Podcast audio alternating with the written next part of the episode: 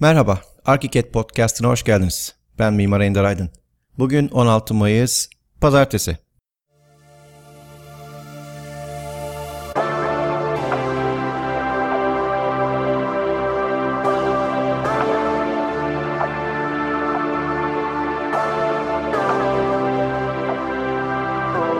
Tamam tamam geldim. Bir süredir podcast hazırlayamadım. Farkındayım. Ama gerçekten çok yoğun. Sürekli sürekli üretim yaptığım, haftanın hemen her günü Arkiket dersi verdiğim e, sıkı bir dönemde olduğum için e, podcast'i ihma- ihmal ettiğimi kabul ediyorum. Fakat bilin ki ha bugün ha yarın diye diye yani bugünlerde nasıl geldiğimi ben bile bilmiyorum.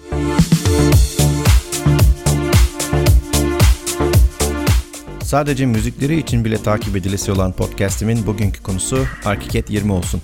Arkiket 20 Haziran ortası itibariyle uluslararası versiyonuyla piyasalarda olacak. E, şu sıralar zaten haldır uldur Türkçeleştirmesiyle uğraşıyorum.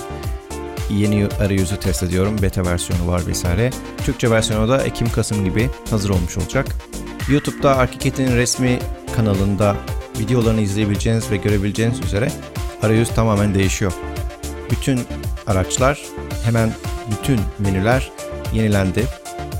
Biliyorsunuz teknoloji gelişti. Ekran teknolojileri gelişti. Yüksek çözünürlüklü monitörlerimiz var, ekranlarımız var. Özellikle 4K'lar, 5K'lar. Bu ekranları destekleyici bir şekilde bütün ikonları vektörel olarak düzenlediler.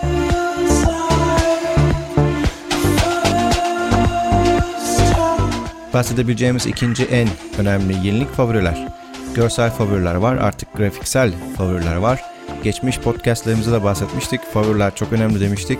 20'de bunun çok çok daha öne çıktığını görüyor olacaksınız. Artık e, yeni versiyon 20 ile beraber de kullanım alışkanlıklarımızın değiştiğini göreceksiniz.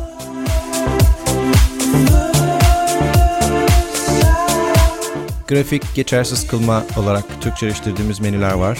Bu demektir ki planlarınız, kesitleriniz arzu ettiğiniz farklı şekillerde sunum formatına çevrilebiliyor. Yani çok detaylı bir uygulama projesi yaptınız ancak bunu bir tuşla çok daha basite indirgerek e, paydaşlarınıza ya da müşterinize sunabiliyor olacaksınız.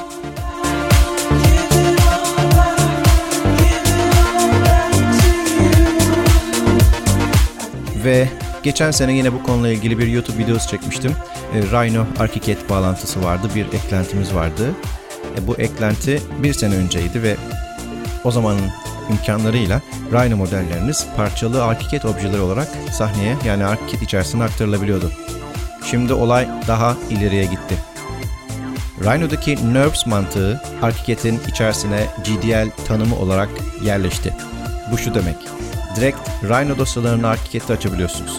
Hatta Archicad dosyalarını direkt Rhino'ya atabiliyorsunuz ve Rhino Connection zaten vardı beta versiyonuydu artık tamamıyla duyuruldu. Rhino'da yaptığınız bütün modelleriniz artık birebir Archicad'de kullanabilir olacak ve BIM ortamında çalışmaya devam edecek. Konsept tasarımın BIM platformu ile buluştuğu noktaya Archicad 20 ile ulaşmış oluyorsunuz. Bundan böyle Rhino modellerinizin tamamı kayıpsız bir şekilde Archicad'de kullanılmaya devam edecek.